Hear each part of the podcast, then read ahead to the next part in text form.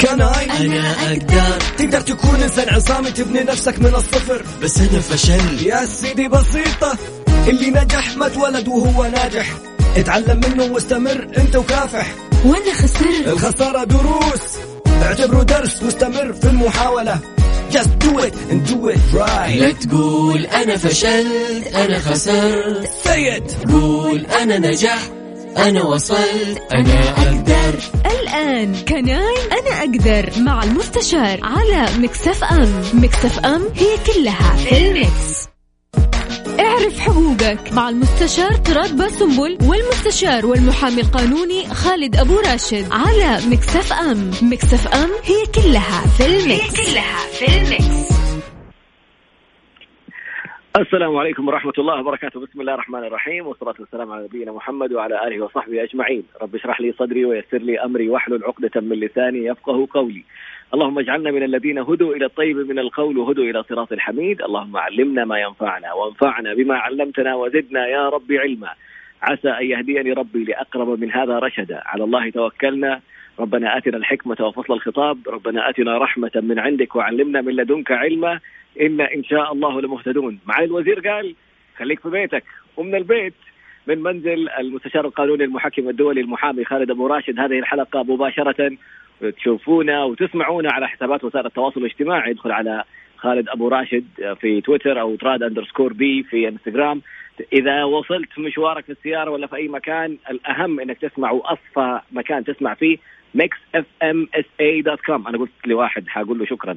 مريت على جرير وأخذت المايك وقلت لمنصور حقول لك شكرا يا منصور ويعطيك العافية. وكل الفريق اللي جالسين يداوموا في جرير ومكنتونا أن نطلع هذه الحلقة مباشرة. يعطيكم العافية. ومرة ثانية اليوم مع كورونا مو مع كورونا مع كورونا فيروس كورونا صارت أشياء لبعض الناس عقود موضوع عربون موضوع التزامات إيش قلنا؟ في ثلاث حاجات. عقود العقود والعربون ونسمعها كاملة مع المستشار القانوني والمحكم الدولي المحامي خالد أبو راشد. أبو محمد. يلا. بسم الله الرحمن الرحيم. الحمد لله رب العالمين والصلاة والسلام على نبينا محمد وعلى آله وصحبه أجمعين. أو أهلا وسهلا بك يا طراد وبالسادة المستمعين. أو اللي بيتابعونا في Mix FM سواء من الإذاعة أو التطبيقات أو من خلال حساباتنا. وإن شاء الله تكون حلقة مفيدة يا رب إن شاء الله. طبعا اعتذر على التأخير كم الدقيقة اللي حصلت. ونبدأ مباشرة في حلقة اليوم موضوع اليوم بإذن الله. آه شوف يا طراد طبعا لما حصل الوباء حق كورونا الله يحمينا جميعا من هذا الوباء وهذه الأمراض. نتجت عنه عدة إجراءات. وهذه الإجراءات نتجت عنها عدة قرارات من قبل سواء كان من قبل الدولة أو من قبل أصحاب القطاع الخاص. فكانت في أسئلة كثيرة جدا. أول آه نوع حنتكلم عنه وهو العربون. هل أرجع العربون أو ما أرجع العربون؟ الجزء الثاني إن شاء الله تعالى المحور الثاني اللي نتحدث عنه العقود. هل أفسخ العقد؟ أو هل أوقف تنفيذ العقد؟ أو إيش اللي حيحصل فيما يتعلق بعقود المقاولات عقود الالتزامات. النوع الثالث أو المحور الثالث الأسئلة الكثيرة. الشركة أنهت خدمتي. الشركة أعطتني إجازة بمرتب. الشركة أعطتني إجازة بدون مرتب. أو مثلا الشركة أوقفت العقد، هل هذه الإجراءات نظامية؟ هل هذه الإجراءات صحيحة؟ السؤال الرابع، هل توجد قوانين نصت على هذه الحالات أو مثل هذه الحالات فيما يتعلق بكورونا؟ ولا إحنا حنجاوب بناء على أي أساس؟ ولا حنأخذها تقديرية؟ هذا كان نقاش قانوني، جدل قانوني، فحناقشها بأمر الله تعالى محور محور ونركز مع بعض بإذن الله. أول محور يطراد وهو العربون العربون أصلا هو إيش العربون بالضبط إنه لما يأتي إنسان ويرغب في شراء مثلا سلعة معينة أو عقار معين فيدفع دفعة تسمى عربون بحيث إنه إذا أكمل التزامه أصبح العربون جزءا من الثمن ودفع باقي المبلغ ومثلا اشترى العقار أو مثلا نفذ هذا المشروع أو هذه السلعة. إذا المشتري أخل المشتري من نفسه ما كمل راح العربون عليه. أصبح من حق البائع. ليه؟ لأنه البائع يقول لك أنا أخذت هذا العربون وحجزت المبيع حجزت القطعة اللي بدي أبيعها أو السلعه أو العقار ما عرضت على أحد آخر لمدة معينة 10 أيام شهر أسبوعين. فكون إنه هو جاء بعد انتهاء المدة وقال لي أنا بطلت اذا هذا المبلغ العربون مقابل الفترة اللي أنا حجزت فيها السلعة. طيب اليوم هل يحق للي دفع العربون إنه هو يرجع في عربونه؟ هل تلزم المنشآت بإعادة العربون؟ هنا نأتي للسبب. بمعنى إذا كان يستحيل تنفيذ العقد فعلى البائع أو على الطرف الثاني أن يعيد العربون. ليه؟ خلينا نعطي مثال. اليوم مثلا في قاعة أفراح أو قاعة مناسبات وأنا جيت دفعت عربون. صدرت قرارات وتوجيهات الدولة بمنع المناسبات. في الفترة هذه كان مناسبتي إذا هنا إطراد قانونا يستحيل تنفيذ العقد لأنه في قرار منع. إذا في هذه الحالة على هذه القاعة أو مثلا هذا أصحاب هذا المبنى أن يعيدوا لي العربون. أنا ما رجعت في العربون بكيفي أو أنا ما رجعت بمزاجي. خلاص توجيهات دولة أوقفت هذه المناسبات. إذا من حقي أني أنا أسترد هذا العربون لأنه السبب ليس مني السبب من الدولة وتوجيهات الدولة طبعا.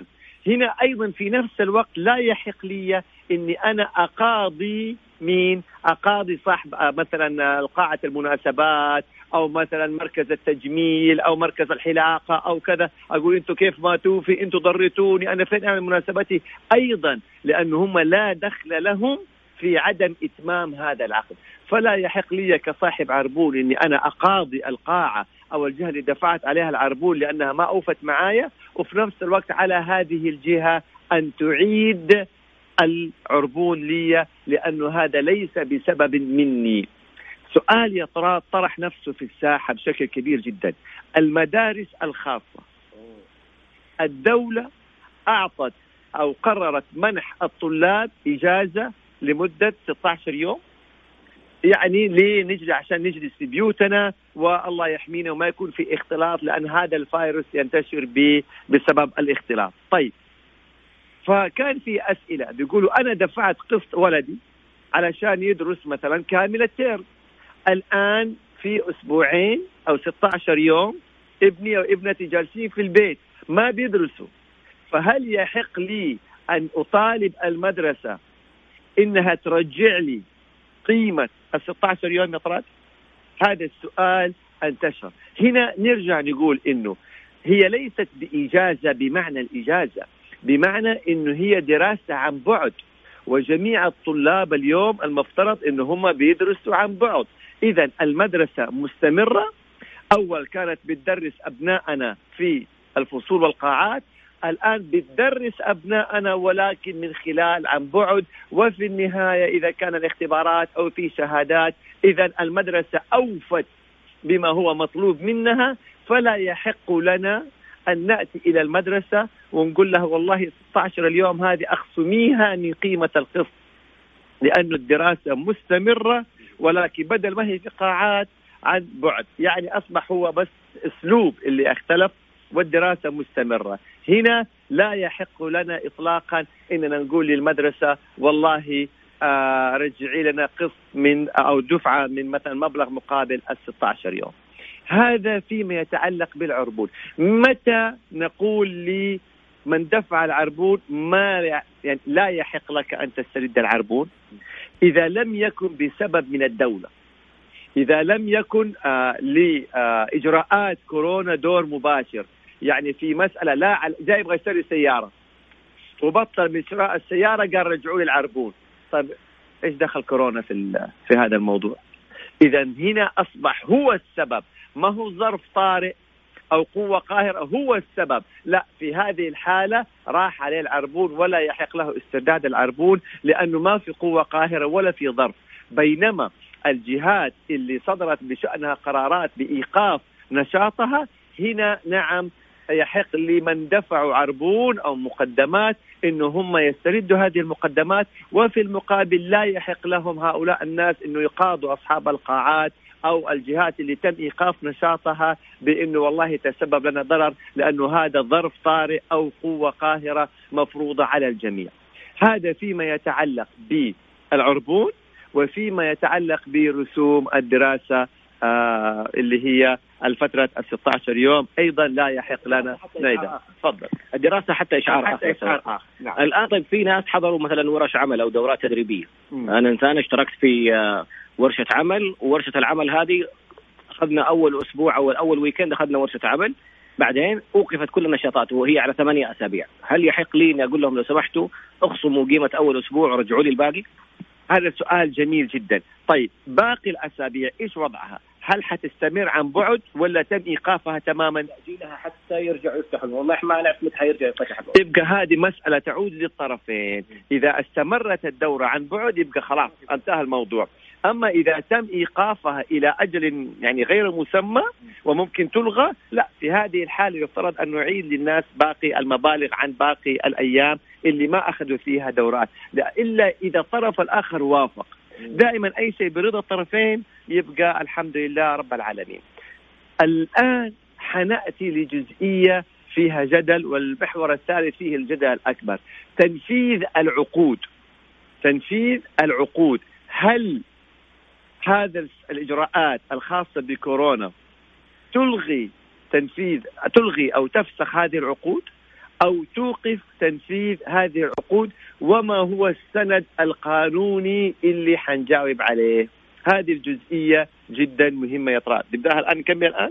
الساعة كم الآن قبل الإعلان. لا باقي لنا ناخذ فقرة من ثلاث دقائق ونرجع بعدين حنطلع على فاصل إعلاني. في الفقرة هذه كمان سؤال آخر على موضوع آه زي ما تفضلت موضوع الموظفين. ما أعرف إذا تبغى ندخل على الموظفين أول. لا لا خلينا بالأخير. الأخيرة. نعم. لأنه في بعض الموظفين صار التساؤل هذا وجانا أكثر من سؤال. طولبوا إنهم يوقعوا ويسووا. خلينا نرجع مرة. والمستشار والمحامي القانوني خالد أبو راشد على Mix FM. Mix FM هي كلها في ال Mix هي كلها في ال Mix عدنا مرة أخرى ومع المستشار القانوني المحكم الدولي المحامي خالد أبو راشد ومن منزله التزاما بتعليمات معالي وزير الصحة. فاليوم وصلنا لموضوع الأشياء المتعلقة بالأحداث اللي حصلت مع موضوع كورونا. في تكلمنا عن العربون الناس وتكلمنا عن موضوع العقود. الآن نكمل موضوع العقود وقلنا برجعها القضاء ونشوف بعض الأشياء حقت الموظفين. في ناس تم إنهاء خدماتهم في ناس تم إجبارهم على توقيع إنهم ما يستلموا رواتبهم في فترة الانقطاع هذه يشتغلوا بدون بدون استلام رواتب أو يجلسوا يأخذوا إجازة غير مدفوعة الثمن. أبو محمد. يلا نأتي للعقود. هنا القضاء حيدرس سبب فسخ العقد. هل فعلا الإجراءات الاحترازية الوقائية الخاصة بكورونا سببا في فسخ هذا العقد؟ بمعنى اليوم إحنا إذا تعاقدنا مع مثلا قاعة أفراح وتم صدور التوجيهات بإيقاف جميع المناسبات اذا في هذا الوضع لا بد إني أنا أفسخ العقد لأنه يستحيل تنفيذ هذا العقد. اذا الفسخ هنا صحيح ليه؟ لأنه أصبح يستحيل تنفيذه. وأيضا ما حيكون في تعويضات على أي طرف لأن كل طرف ما له يعني ذنب خلينا نقول في هذا الأمر. هذه قوة قاهرة.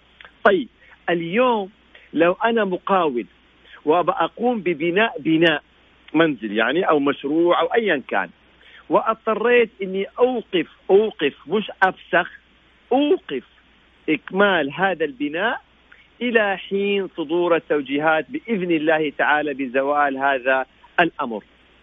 يعني مثلا خلينا نقول لأنه بيكون العمال تجمع والتجمعات طبعا مرفوضة وممنوعة أيضا فلسلامة الجميع ما نزل عمال الموقع إلى حين طبعا إيه صدور التوجيهات بأمر الله تعالى بزوال هذا الأمر.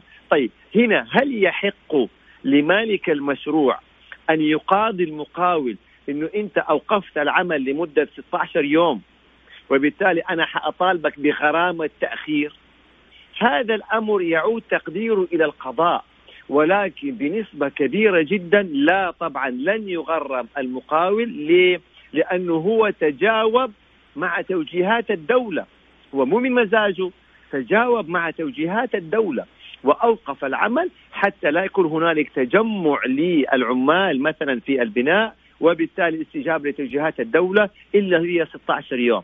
فإذا توافق ال 16 يوم اللي المقاول أوقف فيها العمل هي نفس ال 16 يوم اللي قررتها الدولة يبقى هنا بشكل كبير جدا إيه لن يغرم هذا المقاول ولا غرامات تأخير لأنه هو تجاوب مع توجيهات وتوجهات الدولة. إذا عندنا الحالة الأولى فسخ العقد. الحالة الثانية إيقاف تنفيذ العقد بالمدة أو الفترة اللي تتطابق مع الفترة اللي حددتها الدولة. هذا الجزء الثاني. أما إذا كان إيقاف العقد أو فسخ العقد بسبب لا علاقة لكورونا فلا نستطيع أن نتحجج بكورونا في هذا الأمر. هذا فيما يتعلق بالعقود. إذا تحدثنا عن العربون تحدثنا عن العقود حنأتي للمحور اللي هو المشكلة الحقيقية والأول مرة يطراد حنتحدث عن جزئية لم تنص عليها القوانين. حنتحدث يعني إحنا دائما في برنامجنا يطراد اللي على مدى ثمانية سنوات لما نتحدث يجوز أو لا يجوز يصح أو لا يصح يحق له أو لا يحق له بتسألني ما هو دليلك؟ فإما نستند على مواد من النظام أو نستند على لوائح خاصة بالشركات أو نستند على تعاميم وأوامر صادرة من الجهات المعنية أو نستند على السوابق القضائية. إذا لما إحنا نقول يحق لك أو ما يحق لك إما نستند على مادة أو نستند على لائحة أو على التعاميم أو أوامر صادرة من جهات الحكومية المعنية أو على السوابق القضائية، إيش يعني السوابق القضائية؟ إنه سبق القضاء إنه في مثل هذه الحالة أصدر حكما بكذا وكذا وكذا. طيب فيما يتعلق بأنظمة العمل وكل ما يتعلق بالقطاع الخاص اللي هي عقود العمل والتوظيف والإجازات والفصل وما إلى ذلك. لم ينص نظام العمل على موضوع كورونا لا توجد لوائح نصت على موضوع كورونا ولا توجد سوابق قضائية لأنه كورونا يعني الله يحمينا جميعا من هذا الوباء أول مرة تتعرض له المملكة ويمكن أول مرة في تاريخ المملكة يكون في إجراءات احترازية بهذا الشكل. فهنا الكثير من الأسئلة سوف نحيلها إلى تقدير القضاء بمعنى لو جينا أول جزئية وهي إنهاء الخدمة بسبب كورونا. النظام العمل ما نص على ذلك. نص على الحالات النظامية التي يحق فيها لصاحب العمل إنهاء الخدمة. فلو جاء صاحب العمل وفصل موظف بسبب كورونا هنا القضاء حيسأل صاحب العمل ما علاقة كورونا في فصل هذا الموظف. يعني على سبيل المثال مدرسة وكانت مدة يعني إيقاف أو إيقاف حضور الطلاب وإنما سوف يستمر التعليم عن بعد أو حتى إجازة أسبوعين أو إجازة ثلاثة أسابيع. تفصل موظفين أو مدرسين على أي أساس؟ ما علاقة هذا في فصل الموظفين أو المدرسين العاملين في المدارس الخاصة؟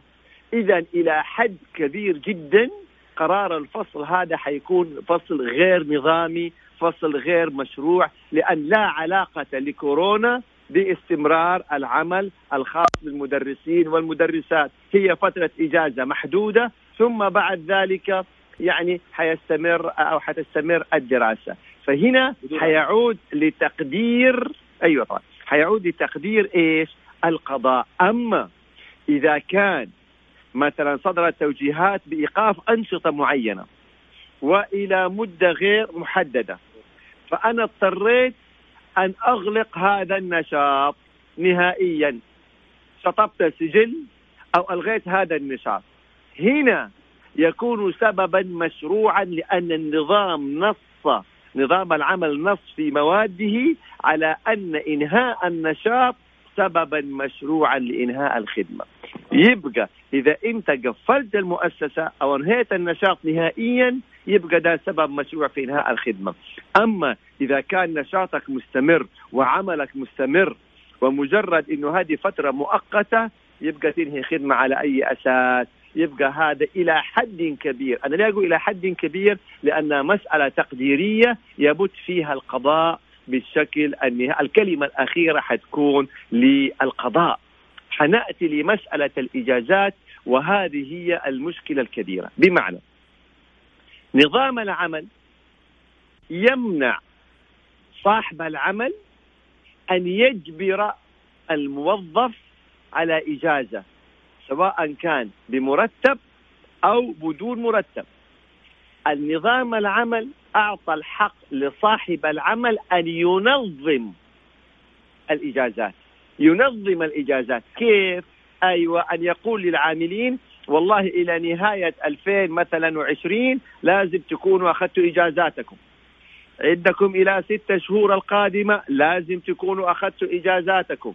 يبقى ده إيه حقا مشروعا لصاحب العمل. ولكن أن يأتي صاحب العمل ويقول للموظف بكرة تأخذ إجازة غصبا عنك كنظام عمل لم ينص على ذلك ولا يحق لصاحب العمل ذلك. هذا إجازة بأجر. فما بالك أن يجبر العامل بإجازة بدون أجر؟ هذا ما ورد في النظام إطلاقا. حتيجي تقول لي بس يا خالد اللي بيصير إنه في بعض الأعمال يعني توقف فيها العمل تماما. النوادي مثلا. النوادي مثلا مراكز التجميل الأسواق مثلا الأندية الترفيهية يعني وكثير. توقف فيها النشاط نهائيا. طيب أنا أعمل إيه؟ هنا يعود هذا الأمر تقديره إلى القضاء. هنا لن يستطيع أحد أن يبت في هذه المسألة إلا إذا صدرت تعاميم من الجهات المعنية. ليه لن يستطيع أحد أن يبت في هذه المسألة؟ لأن النظام ذكر لا يحق لصاحب العمل أن يجبر العامل على إجازة، وإنما ينظم. هذا النظام، النظام ما ورد فيه الحالات الخاصة بكورونا أو الامراض، ورد في النظام القوة القاهرة. نعم القوة لكن هنا السؤال هل هذا المرض يعتبر قوة قاهرة ولا ظرف طارئ حتقول لي إيش الفرق بين الاثنين القوة القاهرة تفسخ العقود الظرف الطارئ قد يوقف تنفيذ العقد ثم يستمر مرة أخرى. من الذي يقرر ذلك أو يقدر ذلك؟ القضاء. هنا طالما إحنا قلنا النظام يمنع إلزام الموظف بإجازة بينما حصل هذا الظرف الطارئ أو هذه القوة القاهرة سميها ما شئت فاجات الدولة وألزمت القطاع الخاص أن يمنح قدر الإمكان من موظفيه إجازات.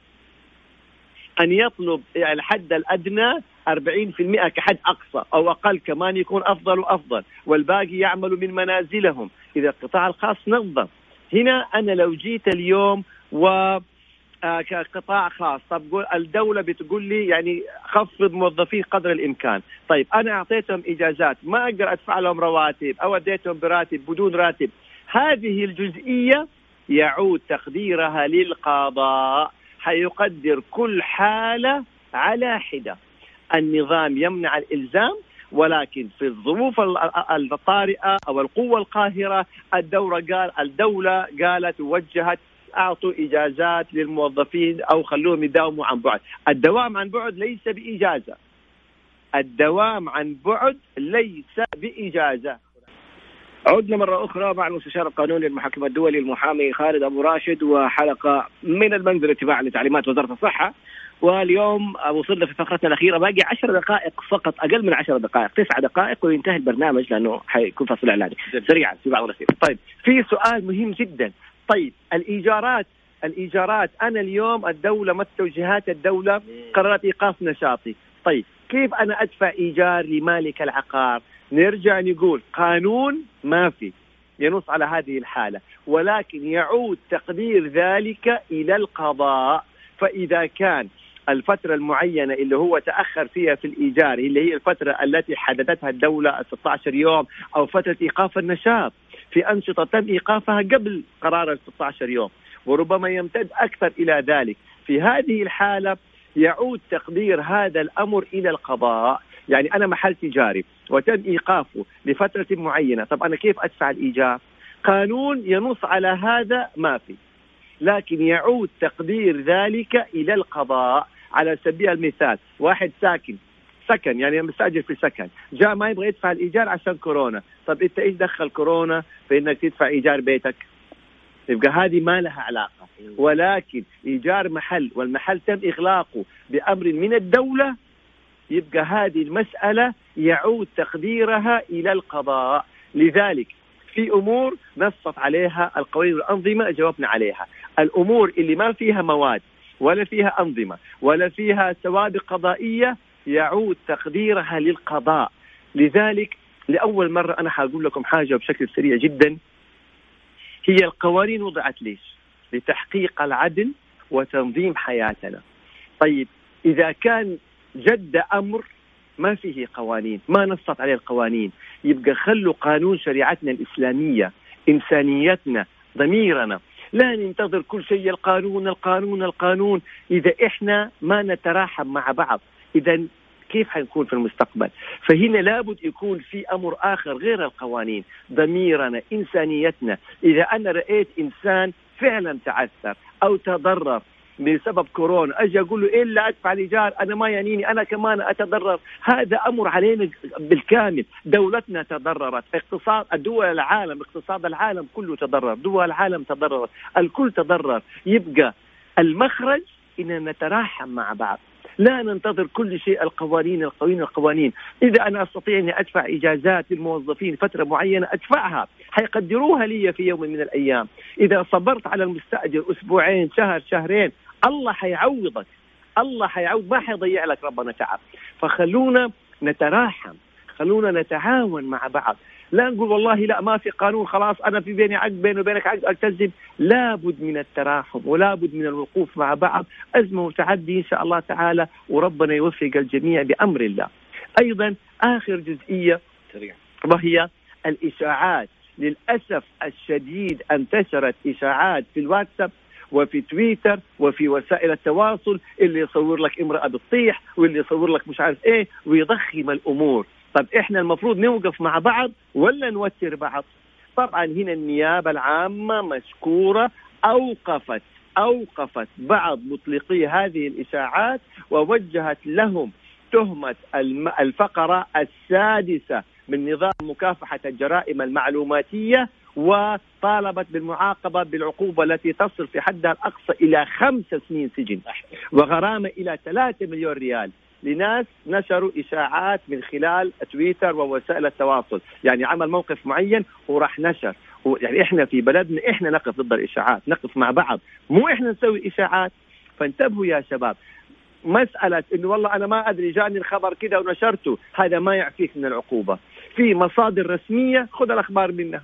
في وكالة الأنباء السعودية.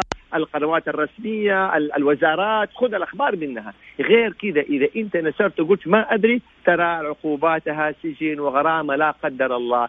في النهاية إحنا بنقول موقف بأمر الله بأمر الله. أنا متفائل إنه بتكاتفنا بعد فضل الله عز وجل راح ننتصر عليه. نتعاطف مع بعض اللي فيه قانون نطبقه الجزئية اللي ما نص عليها القانون قوانين شريعتنا وضميرنا وإنسانيتنا هي وتراحمنا مع بعض هي اللي نطبقها وإن شاء الله ربي يعني يوفقنا جميعا ويحفظنا جميعا وينصر حكومتنا وولاة أمرنا في جميع هذه الإجراءات اللي فيها مصلحة لجميع المسلمين والعباد يا رب إن شاء الله. تفضل يا في الختام بس حابين نقول تحية لأكثر شعوب الأرض وعيا بالإحصائيات جدة وهان الرياض.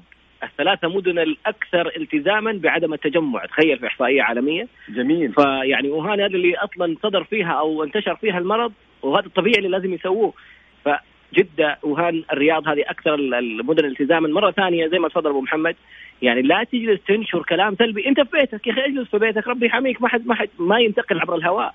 الموضوع ما دام أنت جالس في بيتك وأهلك ما حد فيهم معدي ولا حد جاب من سفر انت بخير ولا تخاف ولا تجلس تنشر لنا أشياء تفجعنا ولا تخوفنا منها. كثير من التساؤلات الأخرى ما قدرنا نلحق نغطيها. بس سؤال كان من ممكن الحلقة القادمة إن شاء الله تعالى الاسئله كثير جدا فعلا. فعلا. جي كانت تقول الشركات اللي ما أعطت إجازات هل عليها أي التزام قانوني؟ نعم الالتزام القانوني إنه تجعل الحد الأدنى اللي نصت عليه الدولة في مقرات العمل اللي هي الضرورة القصوى والباقي عن بعد. الدولة أوجبت الكثير من الشركات إنه بعتقد حسب ما اتذكر 40% كحد أقصى اللي يكونوا موجودين في المراكز في في الشركات يعني والباقي عن بعد. فلا بد من ذلك. وطبيعي مخالفة تعليمات الدولة طبيعي حيكون فيها عقوبات تعزيرية سواء في التجمعات سواء في كل ما يخالف قرارات الدولة. هي أسبوعين يا شباب. نوقف فيها مع بعض إن شاء الله وربنا يوفقها يوفقنا جميعا يا رب. ومبروك مقدما نقولها بكل ثقة بإذن الله والرسالة الإلهية أنه لما يصير بلاء ولقد أرسلنا إلى أمم من قبلكم فأخذناهم بالبأساء والضراء لعلهم يتضرعون. خذ خلي لنفسك وقت لوردك لصلاتك. ادعي ادعي من قلبك لنفسك ولأهلك ولبلدك. وبإذن الله أزمة وحنطلع منها أكثر الدول إنتاجا وإبداعا والتزاما. انتهت الحلقة وبدأ دورك أنت الآن. وعي كل من حولك. سبحانك اللهم وبحمدك أشهد أن لا إله إلا أنت أستغفرك وأتوب إليك. أشوفك على خير.